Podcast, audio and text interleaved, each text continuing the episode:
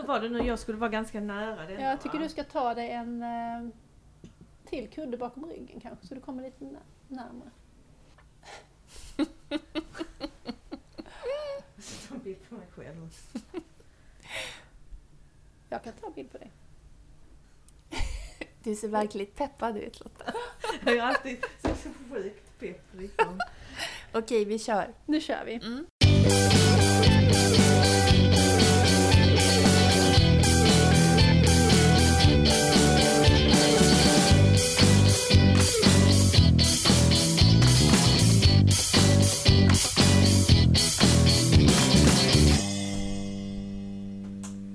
Ja, nu kör vi igång flödet. Ehm, avsnitt, vad har vi Lotta? Jag tror att det är avsnitt 28. Jag kan inte titta på dig för då vrider jag mig från mikrofonen och det blir jättekonstigt ljud jag nu. Så att, Ja, Du får stå ut med att jag inte får tittar på bara liksom ignorera mig.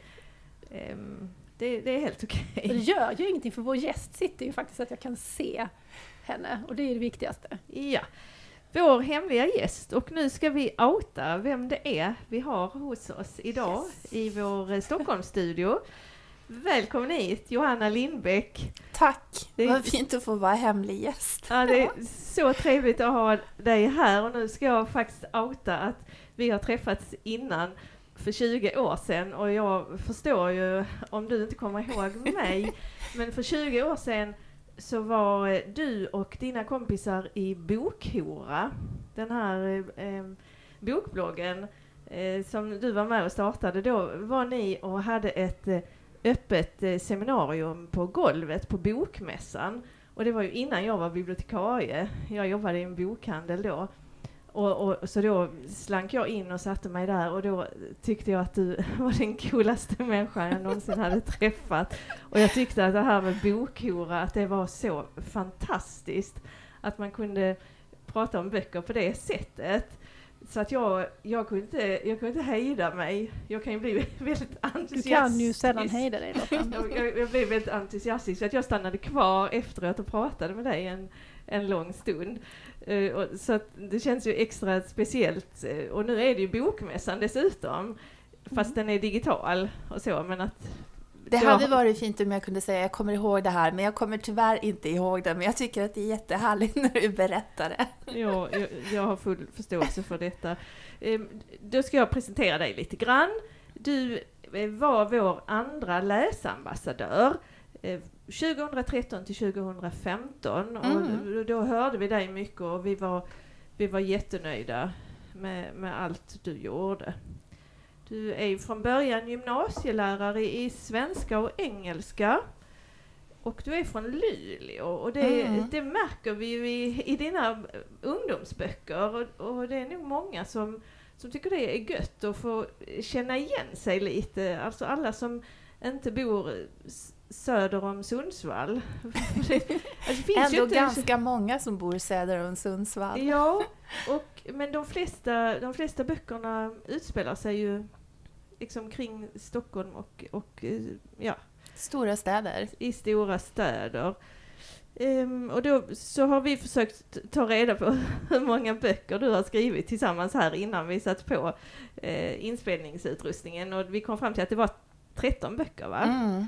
Du är ju aktuell nu med, med den fantastiska boken Fula tjejer som du har skrivit tillsammans med två andra riktiga proffs. Mm. Lisa Bjärbo och Sara Olsson. Ja. ja, är det något mer du vill säga om dig själv? Eh, gud, jag tycker ni har nu presenterat mig. Jag låter väldigt framgångsrik. Eh, det, här nog, det är nog ganska bra. Men nu Johanna är du inte lärare längre utan författare på Nej. heltid. Eller ja, nu är jag... Eh, det är ju alltid lite så här när folk säger är du författare på heltid? Det är ju väldigt svårt att vara författare på Mm. heltid. Det är ju inte så många som klarar av det. Och man tänker att heltid innebär att det enda jag gör är att skriva böcker. Mm. Det är ekonomiskt inte det lättaste. Nej. Eh, Så jag är lite till exempel skrivlärare för vuxna, har jag lite kurser och lite sådana grejer. Ehm, nu håller jag på att översätta en norsk eh, grafisk ungdomsroman. Ja, men jag gör lite så olika, eh, olika saker Ja, och skriver egna Ja. böcker. men Ja. hur många år hann du jobba som lärare innan du liksom... Men gör man nog lärare, det. här är antingen 11 eller 13. Jag borde ha kommit Ja. ihåg det här. Men Ja, det är över typ. 10 i alla Ja. fall. Men jag, jag blev jättenyfiken. Delar du kontor med någon eller sitter du hemma? Jag har ett frilanskontor eh, där vi sitter, det är flera, det är liksom ett stort rum och så är det flera platser. Så då sitter jag där och har mitt skrivbord. Men jag är också, jag kan ju sitta hemma eller ibland sitter jag på något bibliotek, eller nu inte på bibliotek för att man inte får stanna på biblioteken. Men Mm. i vanliga fall, kanske bibliotek eller café eller, och kontor. Så Mm. det beror lite grann på vad det är jag jobbar med för just den dagen, vart jag sitter. Ja, vi hade gärna velat prata mer om ditt författarskap, men det, det ska vi ju inte göra idag. Men vi kan ju bara avslöja, som en, får jag avslöja det? Ja, Ja. det får du. Att imorgon spelar vi in Flödet läser. Och då ska vi prata om fula tjejer. Och jag måste ju lyssna på det Så sen. att eh, vi, vi måste spara oss, men vi har ju läst den så därför har vi egentligen många frågor. Men vi ska prata om något annat idag. Vi ska prata om eh, lä- läsning av skönlitteratur i skolan. Mm. Och då tänkte jag fråga dig, om man nu inte tänker på corona utan tänker på ett vanligt år, ungefär hur många författarbesök i skolan liksom snittar du? Gud, det är så olika. Um, nu är det ju också... Jag har ju varit, skrivit väldigt mycket ungdomsböcker. Och då tror jag att det här har gjort att mina besök... Jag gjorde mer besök förr, när jag Mm. kände att det kanske var att ungdomar läste mer. Och då var det mer besök i skolor och så vidare. Eh, nu har jag också börjat göra, genom att jag skriver mellanåldersböcker, så det är lite sådana besök. Men vad kan jag tänka? Jag har faktiskt inte räknat efter det på senare år. Ehm, men jag tycker generellt att i likhet med mycket annat inom barn och ung, jag vet inte om det här bara gäller mig eller om det gäller generellt, att skolan har fått mindre pengar, skapande skola och så vidare. Så det, Mm. jag har inte lika mycket besök som jag hade förut. Det här kan ju också vara liksom att man är mer eller mindre intressant och efterfrågad. Och, Ja, ja, det kan ju bero på mycket olika Mm. saker. Eh, så för att från tidigare ha jättemycket besök, alltså verkligen vara borta hela tiden, liksom för mycket. Jag kände att jag höll på att bli utbränd när jag var läsambassadör för att jag kajkade fram och tillbaka så himla Mm. mycket. Så är det ju nu mer hanterbart. Och Mm. nu i höst när det är corona så har jag tack och lov börjat få, få lite så här bokningar igen, men då är de i Stockholm. Mm. Än så länge. Mm. Det är inte så att jag har varit motståndare mot att åka någonstans, men Nej men folk De- vet ju om det, att, Ja. att man inte ska uppmuntra till resande så då kanske man passar Ja. på lite mer och boka lokala författare. Ja, men så nu har jag fått Stockholmsskolor. Mm. Kommer igång om några veckor Mm. med den svängen. Mm. Mm. Ja, alltså jag och Lotta vi är ju lite motståndare till det här med att läsa. Att alla läser samma bok. Mm. Jag har ju skrivit lite om det i min bok och vi har pratat om det tidigare i podden. Eh, Och jag tror nästan att du, ännu mer än jag Lotta, har aversioner mot detta. Ja, och vi... I något av, av våra första avsnitt så hade vi ju precis varit i Malmö och, och hållit föredrag för skolledare och lärare och skolbibliotekarier. Och då hade vi ju rubriken Sex skäl att hata en skolbibliotekarie. Kommer du ihåg det? Ja, eller om det var åtta. Men ja, Ja, det var fall. sex eller åtta. Ja. Eh, och en av anledningarna att man skulle kunna hata en skolbibliotekarie är att skolbibliotekarier lägger sig i vad som ska läsas i klassrummen. Mm. Och jag hade ganska nyligen börjat på Polhemskolan och jag, jag blev ju helt bestört när jag upptäckte att den mest utlånade boken var saknad. Det är en väldigt oväntad titel för att nå den positionen. Ja, och det, det, alltså det är ju absolut ingen dålig bok. Nej. Jag var ju tvungen att läsa Ja. den för att, att förstå dess storhet. Och visst, den är, ju, den är ju bra, men den har ju ändå 20 år på nacken. Har det inte kommit någonting eh, sen dess? Men då visade det sig att flera lärare hade gjort jättebra planeringar kring den här boken. Så då bara fortsatte man att använda Mm. den och man köpte in ytterligare klassuppsättningar. Så jag tror att Ja, kanske att det fanns tre klassuppsättningar av, av den här boken. Så ja, Men, så, men, men i alla fall först och främst nu utifrån ett lärarperspektiv. Vad har du för syn på det här med att alla läser samma bok och läser klassuppsättningar? Och så? ja, ja, när jag jobbade som lärare så jobbade jag de sista ändå ganska många år på IB, International Baccalaureate, Mm. det programmet. Mm. Och där är det ju, då när jag undervisar i svenska och engelska, eh, så bygger det ju på, i alla fall väldigt mycket svenska modersmålskursen på den tiden. Nu har de lagt om kurserna lite grann. Eh, men då var det ju att det var enbart litteraturläsning, svenskan. Och då läser man olika verk, det är pjäser, det är lyrik, det är romaner. Efter en kanon, annat kontroversiellt ämne som Mm. IB fastställer. Eh, det är lite valmöjligheter att man får lägga in saker själv, men väldigt mycket liksom styrt vad man får välja mellan. Eh, och de här böckerna generellt, många av dem är ganska svåra. Kanske inte sådana som jag spontant själv hade tänkt att det här ska vi läsa i årskurs två i svenska för att det är ganska svårt verk. Ehm, men nu är det IB, nu får vi läsa det här, vi har liksom gått in i det här. Och då var ju räddningen att vi läste tillsammans. Mm. Så det här hade ju inte gått om jag bara hade langat ut böckerna till eleverna och sagt ja, läs den här, vi hörs om fyra veckor Mm. när ni har plöjt igenom den. Utan vi hade ju liksom upplägg med så här, ett beting varje vecka, lektion, läs, diskutera, vad har vi fattat och så vidare. Mm. Så verkligen jättenoga läs tillsammans.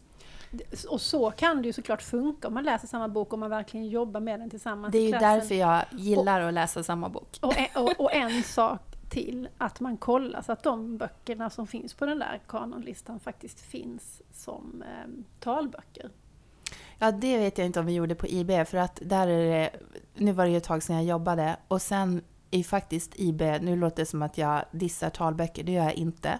Men IB är ju väldigt texttungt. Ja.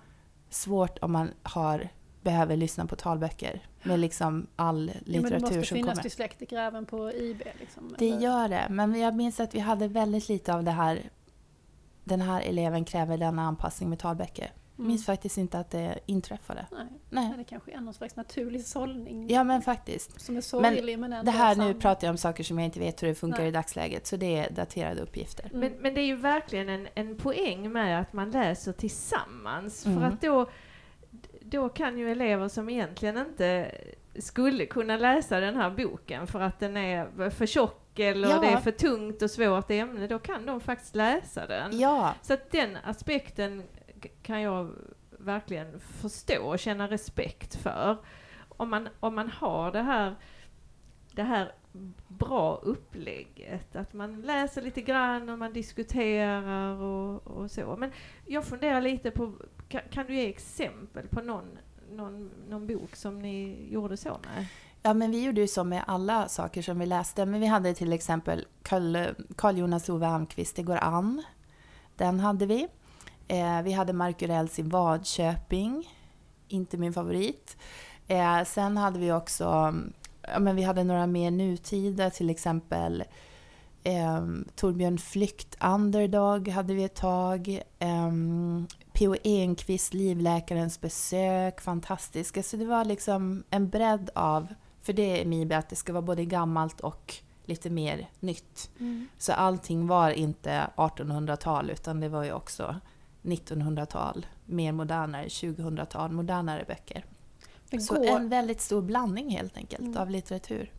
Går det som lärare att liksom ta sig an nästan vilken bok som helst om man nu är styrd av en kanon som ni var och man känner att det här är inte min favorit. Men Jo, men jag tycker att det gör det för att ehm, de här böckerna är ju utvalda då inte hipp som happ utan de är utvalda av nu vet inte jag vilka som sitter i IBs läsråd så att Mm. säga, men med tanke på att det ska vara bra, det ska vara mycket att diskutera, det ska liksom finnas en referens till samhället som man tänker det går an. Även om den är väldigt gammal är ju, ja men hela diskussionen om eh, individ och egen frihet och Mm. göra vad man vill och så vidare. Det går ju verkligen att applicera på dagens samhälle. mm, Så böckerna är ju utvalda med den blicken. mm. Så det hamnar inte bara så här, åh nu har den här boken varit populär i två år, nu slänger vi in den på IBs kanon. Nej. Det är liksom inte så. Nej. Nej. Mm. Så när jag tänker att jag gillar att läsa tillsammans, för jag gillar verkligen att läsa böcker, att klassen eller en grupp läser samma bok. Då tänker jag att det är den här läsningen jag eftersträvar, att läraren i högsta grad är med i läsningen. Inte bara sätter ut böckerna och låter eleverna läsa själva. Mm. Utan att man hela tiden är aktiv i läsningen, Mm. som hela gruppen Mm. ihop. Mm. Ja, för det pratas ju väldigt mycket om det här med lästid i skolan och jag har ju också skrivit om det i min bok att em, lästid i skolan, det, liksom det, det till och med förutsäger bättre resultat på Mm. läsförståelsetest och så. Mm. Eh, och eh, i, nu i början av terminen så hade jag föreläsning för lärarna på skolan och så sa, var det en av de biträdande rektorerna som sa men kan inte ni, till en av lärarna, kan inte ni på mellanstadiet ha lästid varje dag?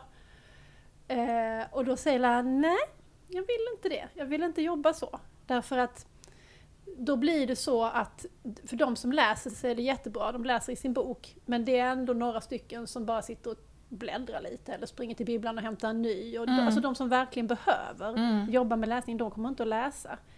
Utan jag vill göra på ett annat sätt. Det här med att liksom bestämma att vi läser varje dag, det funkar inte för mig.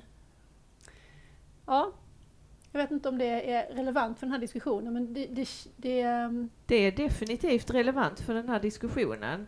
På, på Polhemskolan så har, har vi skapat temapaket eh, som ett sätt att, att erbjuda ett alternativ till, till klassuppsättningar där eleverna har en valmöjlighet. Och det är också en sak som du pratar om i din bok, eh, Klara, eh, Eh, att, att, att det är en framgångsfaktor i att få eh, eleverna att vilja läsa, att de har möjlighet att påverka lite grann i alla fall vad de ska läsa. Och de här eh, temapaketen, det, det kan vara eh, historia eller eh, klassidentitet eller ja, det kan vara vad som helst. Eh, och då har eleverna kanske fem, sex titlar att välja mellan och sen jobbar, jobbar läraren med läsningen. Och många lärare låter eleverna läsa på lektionstid. Mm. Kanske läsa i början på lektionen. Och det, det är flera som har vittnat om vilken god stämning det blir i klassrummet. Att, att, det, här, att det smittar. Mm. Sen är det klart alltid någon som har glömt boken hemma även om de alltid ska ha med den. Och då kommer de till bibblan och, och, och, och lånar. Mm. Men, men en, en del lärare tycker att det är slöseri med lektionstid. På gymnasiet då ska man ha kommit så långt så att då ska alla kunna läsa själv. Det ska man ju, men eh, nu har man ju inte det. Eh, så jag tänker ju, jag tycker det låter jättebra med lästid. Ehm, men ser att det är lite svårt med det här att det är ett frivilligt eh, element som finns på vissa skolor och vissa lärare har det och andra inte. Alltså skoldagen och kursplanerna är ju fulla av moment och allt man ska göra i alla ämnen. Ehm, och läsningen är grunden för alla ämnen. Så är man dålig på att läsa så har man ju problem med alla ämnen. Matte också. Allt. Ehm, så jag tänker att det här borde ju vara inte mer bara våran skola har tagit beslutet att vi ska inleda med en kvarts läsning. Utan det borde vara liksom ingå i bara i skolans uppdrag. mm. Fast då får man ju styra om i kursplanerna för då hinner man ju inte med allting om man ska klämma in det här också. Mm. Men det finns ju utrymme att kanske rensa lite och ta bort vissa moment. Till exempel svenskan är ju full av moment, man ska göra så himla mycket. Mm. Kanske man får tänka att ja, men något här kan vi lyfta ut, vi kan lyfta ut någonting från historien och så vidare. För, och så tar vi den och lägger på läsning. Men måste det inte vara någon slags aktiv läsning då? Liksom? Ja, men att då- inte man jo, bara det- sätter alla nej, unga med varsin bok? Då kan det ju inte bara vara så här, gå ner på bibblan tre gånger i veckan och låna en ny bok. Det ska du inte vara. Det är Nej. det som jag stör mig så himla mycket på när jag tänker att läsare inte inkopplade, eller lärare är inte inkopplade i läsningen utan alla får läsa vad de vill själva. Mm. Men varför? Ja. Alltså får man räkna vad man vill i matte? Det får man ju inte. Nej. Jag kan ju inte säga jag gillar plus, jag kommer att jobba med plus nu i två år. Nej. Jag, jag struntar i det här med division för att jag känner inte riktigt att det är min grej. Nej, Men det är helt absurt. det är faktiskt absurt. Ja, Men det- med det läsning är det ju så. Bara, det är bara Jättebra. fritt, spring iväg till bibblan och låna en bok.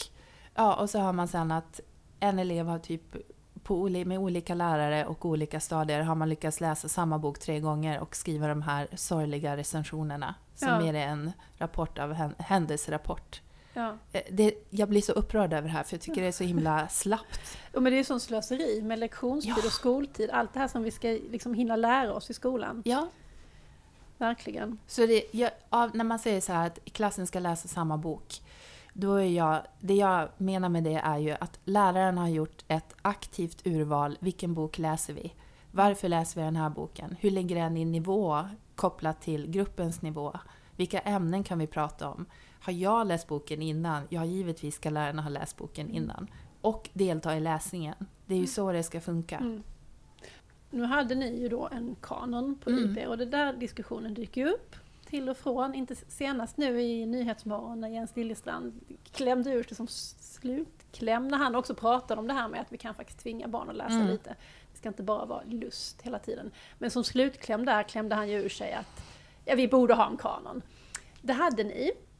Ehm, men annars så är det ju liksom vad är det som styr? Det finns ju ändå en kanon på varje skola eftersom man har de klassuppsättningar man har på skolan. Mm. Det blir som en lokal liten kanon, Mm. för man väljer det som finns. Och, eller som i ert fall, man väljer det som man har en bra planering till. En lokal eh, storsäljare som ingen annan fattar varför man läser. Liksom. Mm, det, är- det är lustigt. Ja, och vad det är som styr de där valen. Vilka böcker som finns. Ja, men jag tror att det är jättemycket det som Lotta tar upp, att någon gång i tiden har en lärare gjort en jättebra planering för den här boken. och sen har den läraren delat med sig av planeringen. Och det har funkat med klasserna och man har bara jobbat vidare med det här. Ja. Eh, Ja, men så enkelt kan det vara. Det är så intressant att höra vilka random titlar som finns på en del skolor. som man bara, läser ni den? Ja. Har ni gjort det i sju år? Varför då? Ja.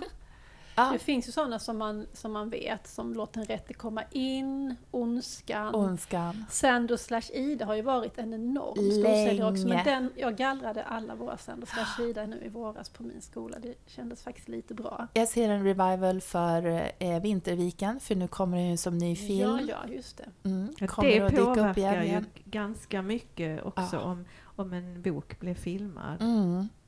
Sen har vi ju kollat runt lite, men det är ju helt ovetenskapligt, men bara fått lite svar på Twitter och Mm. eh, Facebook-sidor och så.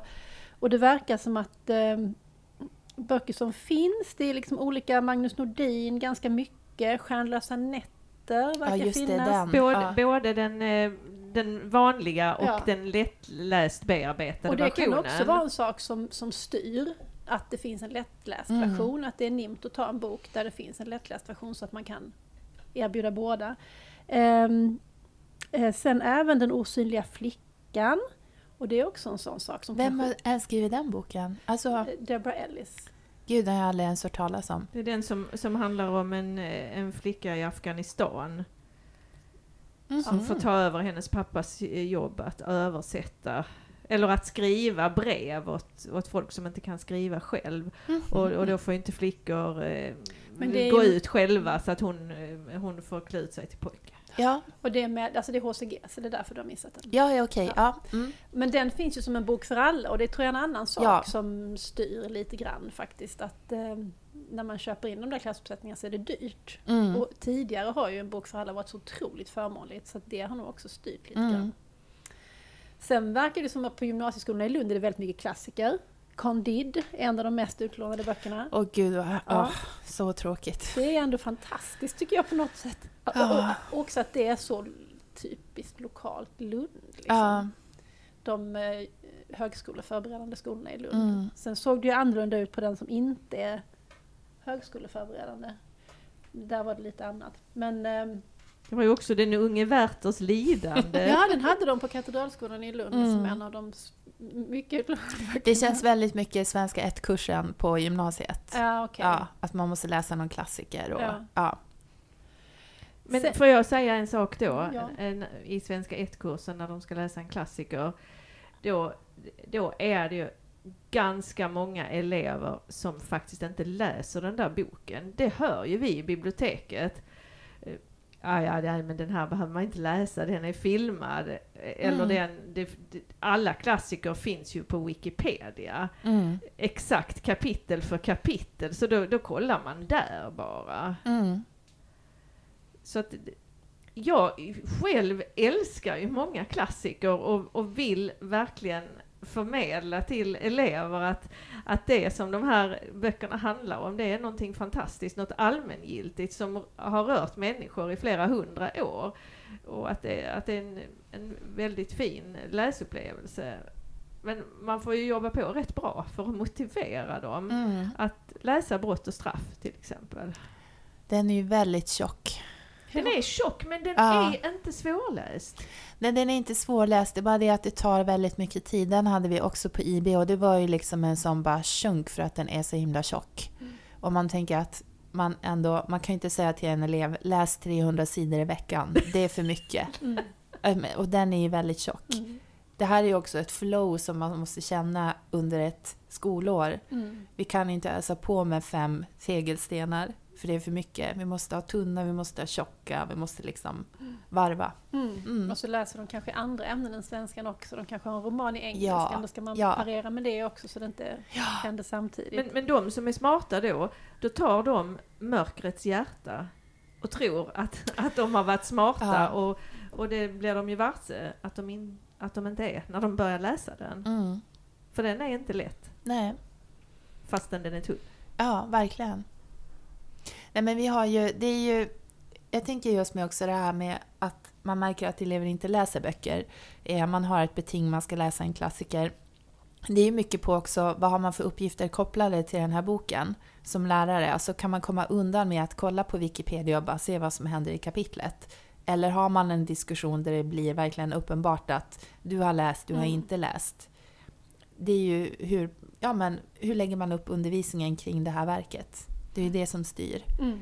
Eh, och när man jobbar med IB så är det ju så att eleverna vet ju att det här kommer att bli olika prov på olika sätt. Skriftligt, muntligt. Så det är som inte bara nu att vi ska lura Johanna att vi har läst den här boken. Utan jag kommer att behöva läsa boken. För jag vet att jag ska göra de här uppgifterna sen som jag blir bedömd av en helt annan person. Som inte är på skolan utan kan sitta vart som helst i världen. Mm. För IB har ju så externa bedömare. Så givetvis är det ju elever som maskar där också, men de inser ju att någon gång måste de ju ta det här arbetet och faktiskt läsa boken för att kunna göra uppgiften, för annars så får de inte godkänt på kursen. Mm. Så det är ju, ja, där är ju liksom, vi alla inser ju, vi måste ta oss igenom det här. Men om man då har en uppgift som bara är så här lite mer läs på egen hand och sen så tar vi en sammanfattande diskussion, då är det ju lätt att komma undan. Mm. Precis. Så, alltså, som allt annat när man pratar om skolan så, så tankar det ju ner till liksom lärarskicklighet egentligen. Alltså hur Ja. läraren väljer att angripa. Ja, Och kanske att man kan läsa lite vad som helst. ja, Eller? ja, Om vi nu tittar på de här titlarna, det skulle kunna vara Saknad, det skulle kunna vara eh, Låt den rätte komma in. Eller John Boyne är också, sa vi det innan? Och pojken Pojken i randig pyjamas. eh, Men även Pojken på bergets topp har Mm. seglat in lite här. Mm. på listan. Eh, Men mycket av de här, som ni säger, att de här titlarna har ju blivit... För ibland när man pratar om det här med att skolan har, liksom läser Ondskan, som ju också är över 20 år, jag kommer inte ihåg hur gammal den är, men den är ju också gammal. mm, Eh, då är ju skolan så här, ja men gud, vi har ju inte råd att köpa in nya klassuppsättningar hela tiden. Och då låter det som att de köpte en klassuppsättning år 2005. ja, Och sen är det den de har fortsatt med. Alltså i själva verket har de ju under de här den, köpt kanske Ja. sju klassuppsättningar Ja. om man räknar in alla böcker de har varit tvungna att köpa till. ja, Och då skulle de ju kunna köpa fyra nya böcker Ja. och jobba med i skolan. ja.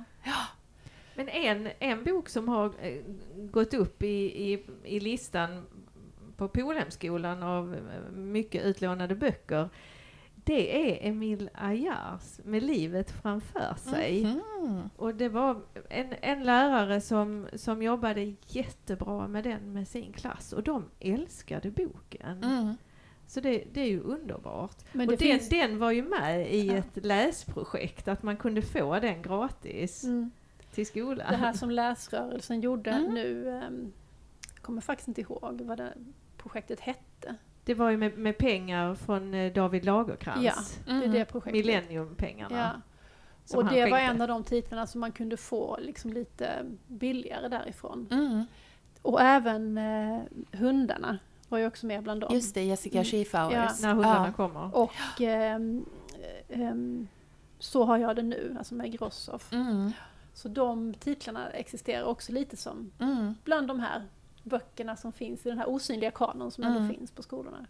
Men sen tänker jag en annan sak som jag funderar på det här med kanon. ehm, för jag skrev ju en eh, artikel i Expressen för, ja men var det i början av året, kommer inte riktigt ihåg när det var, eh, som handlade om det här med eh, vad man läser i skolan. Och då var det just det här kanondebatten som blossar upp.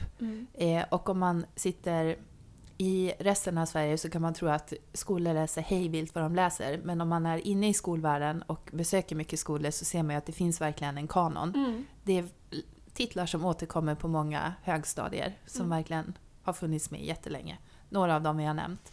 Ehm, och då... Gud, nu tappar jag tråden. Jo, du pratade om din eh, artikel i Expressen. Ja, men vad skulle jag säga? Vad sa jag precis innan? Ja men här att, att den här kanondiskussionen den seglar ju upp lite då och då. Ja, ja men just vartannat det. år. Ja, nej men det jag tänkte säga var att ehm, när jag kollade runt också då väldigt informellt, det var bara slängde ut några krokar på sociala medier, då förstod jag det som att många av titlarna som har funnits länge, som man kanske var så här, förr läser man den här boken i sjuan, men nu är man inte så bra på att läsa så nu läser man den boken i nian. Mhm. Alltså att titlarna har fått gå upp lite grann för att man inte be- bemästrar Mm. och kunna läsa det. Mm. Och att då blir, då blir steget så himla långt. Om man har läst den här i nian, väldigt lätta boken. Sen kommer man till gymnasiet och då ska man plötsligt läsa Candide. Mm. Man, man är inte på den nivån. Nej. Så att man kan läsa Candide. Det blir väldigt, väldigt svårt. Mm. Det är också en sån grej med ja, men hur kanon har utvecklats. Att titlarna hänger med, men de har kanske krypit upp i årskurserna. Mm. Mm. Jo det är ju klart, nu går ju, nu går ju nästan alla vidare till gymnasiet. Mm. Så var det ju inte innan. Nej. Men också hur olika det är då på olika skolor vad man faktiskt läser. När vi frågade runt så fick vi ju förslag på en titel som jag aldrig hade hört talas om. Den långa resan till Amerika. Inte heller hört. Nej. Är det skönlitteratur alltså? Det är skönlitteratur och det är liksom en eh, modernare utvandrarberättelse Mm. som är väldigt lättläst. Eh, jag vet inte från vilket förlag, men kanske från LL-förlaget. Mm. Men som man då läser på många högstadieskolor med, med mycket barn med annat modersmål än svenska. Mhm. Och kanske också mycket nyanlända. Mm. Ehm, och det är ju någonting som liksom, de skolor jag har jobbat med har, man, har jag aldrig sett den, för det har inte varit alls den, Mm. den elevgruppen på dem. Mm. Och det där kommer ju också bli allt mer ju mer skolsegregation vi får. Ehm, det är ju något tjatigt med att alla läser Sanders slash Ida, men det är också liksom något fint med att alla har läst samma bok och kan relatera till det. Liksom. Mm. Och även något fint med att vi faktiskt kan räkna med att de kan ungefär samma på alla skolor. Men det så- kan vi ju inte. Nej, det vi kan kan, vi ju inte räkna med det. Nej. Det är ju en, en enormt sorglig Mm. utveckling. Mm. Jag tänkte på en bok som, som har används mycket eh, på en, en del skolor och det är ju Patrik Lundbergs böcker. Mm. Alltså både, både Gul utanpå eh, men också Onanisterna. ja. Men har de kommit in? Jag tänker att de är så pass nya fortfarande. Men de har liksom lyckats tränga in. Ja, ja men det har de. Ja. Och Onanisten har också kommit till lättläst. Mhm. Så, och, så det tror jag... Och att det är en anledning att man gör den som lättläst är väl att den används, tänker jag. Och blir efterfrågad Ja. säkert också. Ja, skulle tro det. Det känns ju annars som ett sånt här... ehm, jag har läst båda dem och gillar verkligen de böckerna. Men det känns som att det är det här lite oväntade valet. Mm. Eh, att det är... Ja, men det förvånar mig att de har lyckats komma in och bli en sån skolbok. Mm. Jag vet inte hur jag ska förklara att det förvånar mig, men liksom, de är för nya. Mm. De har inte varit... De har liksom inte funnits i det allmänna samtalet på det sättet att man tänker att många lärare skulle ha kunnat snappat upp att de finns. Mm. Det är liksom en eftersläpning i vad som kommer in i skolan. Det behövs så mycket, man behöver som skrika om de böckerna innan de ska komma in i skolan. Men är det inte också de, de skolor som har, har aktiva skolbibliotekarier Ja. och skolbibliotek som, Ja. som, som snappar upp och, och, och delar vidare? Mm. Det och kan också det verkligen att vara. Patrik Lundberg är en sån författare som är jättebra att ha som författarbesök. Ja, Och att då blir liksom, det kanske också kan styra valet lite. Så är det en författare som är superbra att ha eh, som författarbesök, då kan ju den eh, författarens böcker också leva kvar på en skola för att man de kanske inte är så aktuella längre, han eller hon kanske inte har skrivit något nytt på länge. nej. Men vi har alltid honom som författarbesök och han Mm. funkar jättebra. Så vi har alltid honom för sjuorna varje år. Och då har vi hans böcker. Ni hade ju en sån på Färiläsgården, vem var det nu igen? Vi hade ju, Per Nilsson kom ju varje år och träffade åttorna. Ja. Och nu är det så typiskt att ni pratar om det här som en man, för det är ofta en man Ja. som gör detta lyckade författarbesök. ja, det behöver ju inte vara men, Men jag, jag är- förstår vad du finner. Det är en man, Ja. eh, säger jag som är inne i den här eh, svängen med att göra författarbesök. Eh, att det dyker ofta upp när man är i, så här, bibliotek- kollar i bibliotekariegrupper och sådär. Mm. Nu ska vi ha författarbesök i årskurs 6. Vad är era tips? Vem gör bra saker? Och Thomas då, Halling kommer alltid Ja. först upp. och då utgår, då är liksom det underförstådda i den diskussionen är vad kommer att funka för killarna? Vad tycker de om? Ja. Och då är det en man. Jag kommer faktiskt också ihåg när du var läsambassadör att du hade något resonemang om att här kommer jag som läsambassadör, det funkar sådär för jag är fienden. Ja, Du uttryckte det till och med med Ja. det ordet. Liksom. kvinna, Mm. medelklass, älskar att läsa. Mm. Att det skulle vara mer, mer säljande om man var man och hatade att Ja, läsa. gud ja. Ja, gud, verkligen. Alltså, då man kan fånga killarna, man kan, de kan identifiera sig med en. Ehm, jag som är kvinna, det är mycket kvinnliga lärare som håller på att tjata om det här med läsning. Ja, men det finns så många rätt när man är man och så många fel när man är kvinna. Ja, jag, jag tänkte på det som också har debatterats lite, det här att man nästan ska skämmas för att man är, är kvinna och medelklass och kulturintresserad Mm. och dessutom har man en jävla kofta på sig. Ja. Jag, vill inte, jag vill inte skämmas för att jag älskar böcker. Mm. Jag, jag tror att det är, är bättre att man bara är sig själv i kontakten med, med elever eller barn och unga. Ja, och är väl man klart. sig själv och, och tror på det man säger så tror jag att, att man kan entusiasmera Mm. andra människor. Nej men det kan man, det håller jag verkligen med om. Men just med hur det blir på skolor och när skolor har, eller kommuner har läsprojekt. Då är ju de läsprojekten riktade till att de ska nå alla. Mm. Det är ju väldigt sällan en kommun har ett läsprojekt som är liksom spetsen, att nu vänder vi oss till de som tycker om att läsa. Då bjuder vi in den här författaren. Jag har inte hört talas om några sådana Nej. projekt. Utan det är snarare, vi ska få med alla. Vi behöver ha en låg nivå för att alla ska känna sig välkomna här. Och då blir det en viss typ av böcker och en viss typ av framträdanden och författare. Kan detta också styra författarna? Vad de skriver liksom? Alltså är det så, ja men det är jättebra för mig att skriva lite lagom lättläst mellanåldersböcker därför att då kommer jag få jättemycket författarbesök Ja. på hugg. Framförallt, ja, det tycker jag. Och om ni... ehm, om ni, har liksom, om ni är sådana som läser Svensk Bokhandels katalog, brukar ni göra det? Nej. Nej. Men om ni kollar på den, det här är ovetenskapligt igen, men ungdomsböcker har ju minskat i utgivning Mm. de senaste åren. Från att ha varit flera sidor så är det nu kanske en sida eller en halv sida på, i förlagens kataloger. Och ehm, det är ju för att det är svårt att sälja ungdomsböcker för att ungdomar läser inte. Det kommer ju alla de här, senast häromveckan var det ju en, hela den här upprinnelsen i att Jens Liljestrand satt i morgonsoffan var ju den här med hur lite procent rapport där. Precis. Mm. Ehm, och det här märker man ju när man försöker skriva ungdomsböcker att man säljer ju väldigt, väldigt lite. Alltså det går liksom inte att sälja och det här säger ju bokaffärerna och eh, förlagen säger ju samma. Och samtidigt bara så här, vi vill ju inte ge upp ungdomsböckerna, vi kan ju inte sluta ge ut ungdomsböcker så vi kämpar på men det är svårt. Eh, och då är det ju många författare som istället har tänkt att ja, då går jag ner och skriver 9 till 12 för den utgivningen har ju blivit jättestor. Mm. Eh, och lättare att sälja. Mm. Och man kanske då också får författarbesök. Och så, där. så det här är ju, det är, inget, det är så mycket, hela, det är så många faktorer som påverkar. Mm. Och där, där har vi också bokhandlarna som nu ställer ungdomsböckerna på unga vuxna hyllor istället. Eller bara knappt ens finns, tänker jag. Men det finns det överhuvudtaget några unga vuxna hyllor? Jag ser att de... Ja, på, på Akademibokhandeln har de ju ingen ungdomshylla utan det heter unga vuxna och där kan de ju ställa, som till exempel er bok skulle hamna på unga Ja. vuxna och, och det tycker jag är fel, det är ju ingen unga vuxna, det är ju Nej. en typisk, eh, typisk tonårsbok. Liksom. Ja. Mm.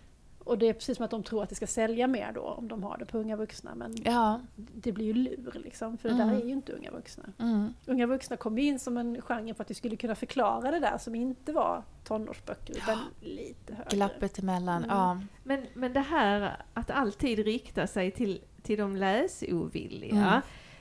det har ju sina sidor.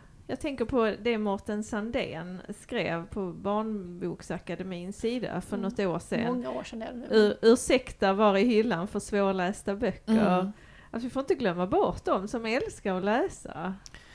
Men de är så få. Det är därför vi inte... Vi älskar dem. Vi är dem. I alla fall jag är dem. Ehm, och ehm, jag vill såklart tänka på den gruppen. Men sen är det hela... Ja men ni vet, hela ekonomin. Förlag ger ut böcker. De måste ändå kunna gå runt. Mm. De kan inte bara, bara ge ut eh, projekt som är behjärtansvärda men som inte aldrig genererar någonting. Och samma känns det ju som författare att jag skulle... Jag älskar att skriva ungdomsböcker. Och eh, tycker att det är en superhärlig målgrupp och jag gillar dem på alla sätt. Men eh, det är svårt. Mm. Ja. Det, ja, nu har jag precis kommit med en ungdomsbok som vi dessutom är tre författare på. Men det känns som att det är... Ja, men vi tog ett annat beslut när vi gick in i det här projektet. Men jag tänker att jag själv, ja men nu ska jag börja harva på med en ungdomsbok. Det här kommer att ta ett år. Sen kommer jag knappt få någon utdelning. Känns det lockande? Nej. Nej. Ja, det är ju lite I, tragiskt. inte bara för utdelning men även för att, för att man vill ju bli läst. Ja. Liksom. Ja. Och det är liksom... Ja, det, är, ju- det här hänger ju också ihop med skolan. Att det känns ju som... Eh, eh, lärare har ont om tid, hinner inte läsa så mycket. Och när man är på skolor så märker man att de här kanonböckerna hänger med år efter år. Alltså det, skolan är inte så snabb på att uppdatera sig med att ta in nya titlar. För annars kan man ju tänka, ja men okej, ungdomarna läser inte så mycket hemma. Men de kommer i alla fall läsa på skolan. Men nu, det är ju det är svårt att nå skolan Mm. och bli en sån titel som finns på skolan. Alltså man, givetvis kan man ju liksom finnas på lokala skolor att bara vi har en klassuppsättning Ja. av de här böckerna. Bara jättehärligt. Men då är det den skolan. Ja. Ja. Våra kollegor i Kävlinge som gör väldigt mycket bra grejer, de, har ju, de, de gör ju lärarhandledningar Mm. till utvalda titlar som skolbibliotekarierna de väljer och de, det kanske är också på önskemål från lärarna, det vet jag inte. Jag tänker mig att de samarbetar. Men de, så gör de det tillsammans. Mm. Så, så skapar de liksom ett... Så de har ett uppsjö. Är det en bra grej för lärare? Ja, ja vi har ju vi gjorde, har gjort en lärarhandledning till fula tjejer. Eh, och jag tror verkligen att det är en bra grej. Eller jag är förvånad över hur bra grej det är. Att många är så tacksamma att det finns en lärarhandledning. Mm. Och då tycker jag själv att vår lärarhandledning är liksom, det är en helt vanlig frågeuppsättning. Mm. Det är inte att vi har suttit och bara uppfunnit något helt extremt nytt utan det är traditionell lärarhandledning. Borde inte vara så stor grej att bli upphetsad över. Men det blir man. Ja. Och det är väl bra. Men det visar ju liksom det här... ähm, kanske att det blir... Ja, men man, man behöver inte göra det här momentet i sin planering. Det är tidsbesparande. Man behöver inte sätta sig och själv knoppa ihop frågor. Mm. Och då kan det bli lättare att välja den boken som har en lärarhandledning. Jag vet inte. Nej. Men, Ja. men behöver, behöver lärare en, en lärarhandledning? Alltså jag förstår att, att, att det är väl härligt att någon annan har gjort jobbet. Mm. Men nu har vi ju faktiskt Aiden Chambers och, och hans, eh, hans förslag till boksamtal och vad man kan ta upp med eleverna. Ja men det är en vattendelare, det ser jag på för jag har ju mycket lärare i mitt Twitterflöde. Det är en vattendelare för vissa är så här Åh, finns det någon som har en handledning till den och den Mm. boken? Kan ni dela med er? Och vissa är så här eh, Nej, det är, inte, det är inte lönt. Jag vill inte ha någon lärarhandledning. Det, jag måste ändå jobba med boken själv. Mm. Liksom. Så Mm. det är nog bara helt att folk är olika. Ja. Lärare precis som andra människor. Ja. För, för att s- ska, ska man kunna undervisa och, och diskutera en bok så måste man ju läsa den själv Mm. och tycka någonting om boken själv. Mm. Men jag tänker att nu med lärare som går igenom lärarhögskolan och blir lärare i svenska, de, det har ju visat sig att många inte är lä, läsare. Alltså de har ju inte gått in i det här för att de är, gillar att läsa utan det här blir en, ett, ett yrke där man vet att man kommer att få jobb. Man går igenom den här högskoleutbildningen. Ehm, och man har som inte med sig det här bagaget av att jag har läst jättemycket innan jag började på utbildningen. Jag har ett förhållande till barn och ungdomslitteratur. Man kanske överhuvudtaget inte har det. Ehm, och på utbildningen får man ju ändå inte läsa så himla mycket. Och då saknar man ju en säkerhet. Om man ska ha ett samtal om en bok, bara, men hur ska man ha det samtalet? Och man har som ingenting att stå på. Och då kan ju lärarhandledningar funka väldigt bra och bara ha något Ja, att som hålla, i, att hålla handen. i handen och ja. första gångerna och sen kanske man utvecklar det när man fattar mer själv. Liksom. Mm. Mm. För det man vill komma ifrån är ju, de fruktansvärt tråkiga samtalen är ju typ, eh, eh, vad heter Minnas pappa? Eh, vad gjorde de efter de satte sig i bilen? Alltså, Ja. Det är ju kontrollfrågor Ja. bara. ja. Det är sådana frågor som kommer i det där lilla häftet som hör till den magiska kulan. Men nu ska vi inte prata om läseböcker för då, Nej. då blir det alldeles Nej, men det-. Jag tror att det kan vara... Om man inte är van att prata om litteratur, då kan det bli lätt att man hamnar i kontrollfrågor. Mm. För att man har ändå den här lärsituationen, att man är lärare. Man vill känna att eleverna har tagit till sig det här och hur ska man få reda på det i ett samtal? Mm. Och då är det tryggare att ta det här, Mm. vilken färg är det på skorna? Ja.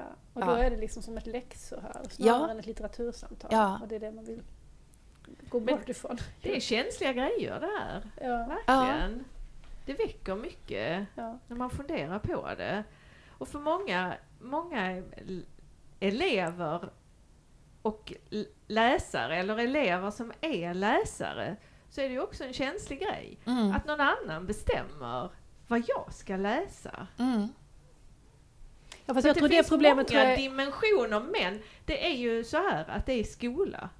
Och, och vi kan inte få välja. Nej. Allt, det är precis som det här, jag känner inte för eh, division eller jag Aha. hatar plus kvamperfekt så jag struntar i det. Mm. Och det var ju intressant att folk gick igång så på det Jens Liljestrand sa. Mm.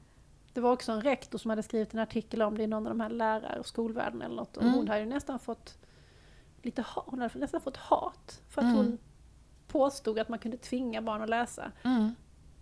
För att Ja. tvång är så fult. Men vad, vad handlar skolan om? Det är ju ett helt stort jävla tvång. Vad handlar hela vår uppväxt om? Det är det ena tvånget efter det andra. Du vad ska, handlar livet ja, men vad handlar livet om? Det handlar om att foga sig, lära sig saker, bara inse sin plats i universum. Förhålla sig Ja. lite Ja! och försöka vara snäll ändå. Mm. Ja. Nu kom vi in på stora filosofiska frågor Ja, vi här. måste ju knyta ihop den här säcken nu känner jag. Åh, Men, jag, ehm, jag tycker det, Men att det är jag, jag måste säga en till sak om det här med att läsa och kanon och läsa tillsammans. mm. eh, som jag tänker med just det här vilka böcker man väljer och vad som har blivit böcker som man läser på skolan. Det här är ju också, när man, håller, när man arbetar med litteratur, det intressanta i ett samtal, oavsett om man har i, i min privata bokcirkel eller i ett klassrum, är ju när samtalet blir liksom, vi tar den här boken som en språngbräda och så bara börjar vi prata om livet. Mm. Det här är Det går an som vi börjar med, men nu befinner vi oss plötsligt i 2020 och vad i personerna kök, liksom. i Mm. klassen Ja. går igenom i sina dagliga liv. Ehm, och det är ju det härliga, det är ju det man strävar efter. Ehm, men det är ju också en exponering som Alltså alla personer blir ju exponerade. Fast då kan man ju tycka, som jag tycker, att det är jättehärligt att vi, har, vi kan prata om det utifrån den här boken, det här litterära. Så det är inte som att jag bara ställer mig upp i inledningen av lektionen och säger nu ska jag berätta någonting som har varit jättejobbigt för mig, som jag har varit med om. Alltså, det skulle jag ju aldrig göra, det är ju för personligt. Eh, Medan när man kommer in i det ur litteraturen så kan det bli mer allmänt samtidigt som det blir privat. Ehm, Och den diskussionen är ju ändå krävande och eh, man ska vara lite vågad för att gå in i det. Och då kan det ju som lärare vara lättare att bara jobba på Välj vilken bok ni vill, läs i två veckor, skriv en recension, berätta för klassen vad du tycker om boken. Alltså det uppstår inte det där samtalet och det blir inte något möte. Och det är väldigt lätt att bara fuska sig igenom boken. Mm. Och man fattar aldrig riktigt, vad är vitsen med det här? Och man behöver inte investera något av sin person, Nej, man behöver- som lärare nej. eller som elev. Man Nej. behöver inte närma sig smärtpunkten. Nej, och samtidigt kan man tänka att nu har vi bockat av läsning. Nu kan vi göra något annat resten av terminen. Mm. Vi har läst våran bok. Ja. Ingen Ja. har blivit så mycket gladare av det, men nu har vi gjort det. Ja. Alltså, det Och vi här- har inte tvingat någon. Vi har inte tvingat någon, de har fått välja själv, det här är bra. Eh, ja, men det kan låta hårt, men det här är ju liksom... Man måste ju ha, varit, man måste ju som ha erfarenhet och inse vad det här, hur bra det kan bli för att våga göra det. Mm. Och om man inte är en van läsare, då är man ju inte med om det där. Nej, då har man inte med sig och man, det är inte säkert att man får det alls på utbildningen. Nej! Nej. Och då är det kanske bra med läraranledningar och att någon säger på den här skolan läser vi de här böckerna. Mm. Det här finns. Och då skulle det helst vara lite nyare böcker. Ja. Ja. Om vi får önska fritt. ja, ska vi säga så? Vi, vi får nog säga så. Ja. Ehm, tack snälla Johanna för att du ville komma hit och prata med oss idag.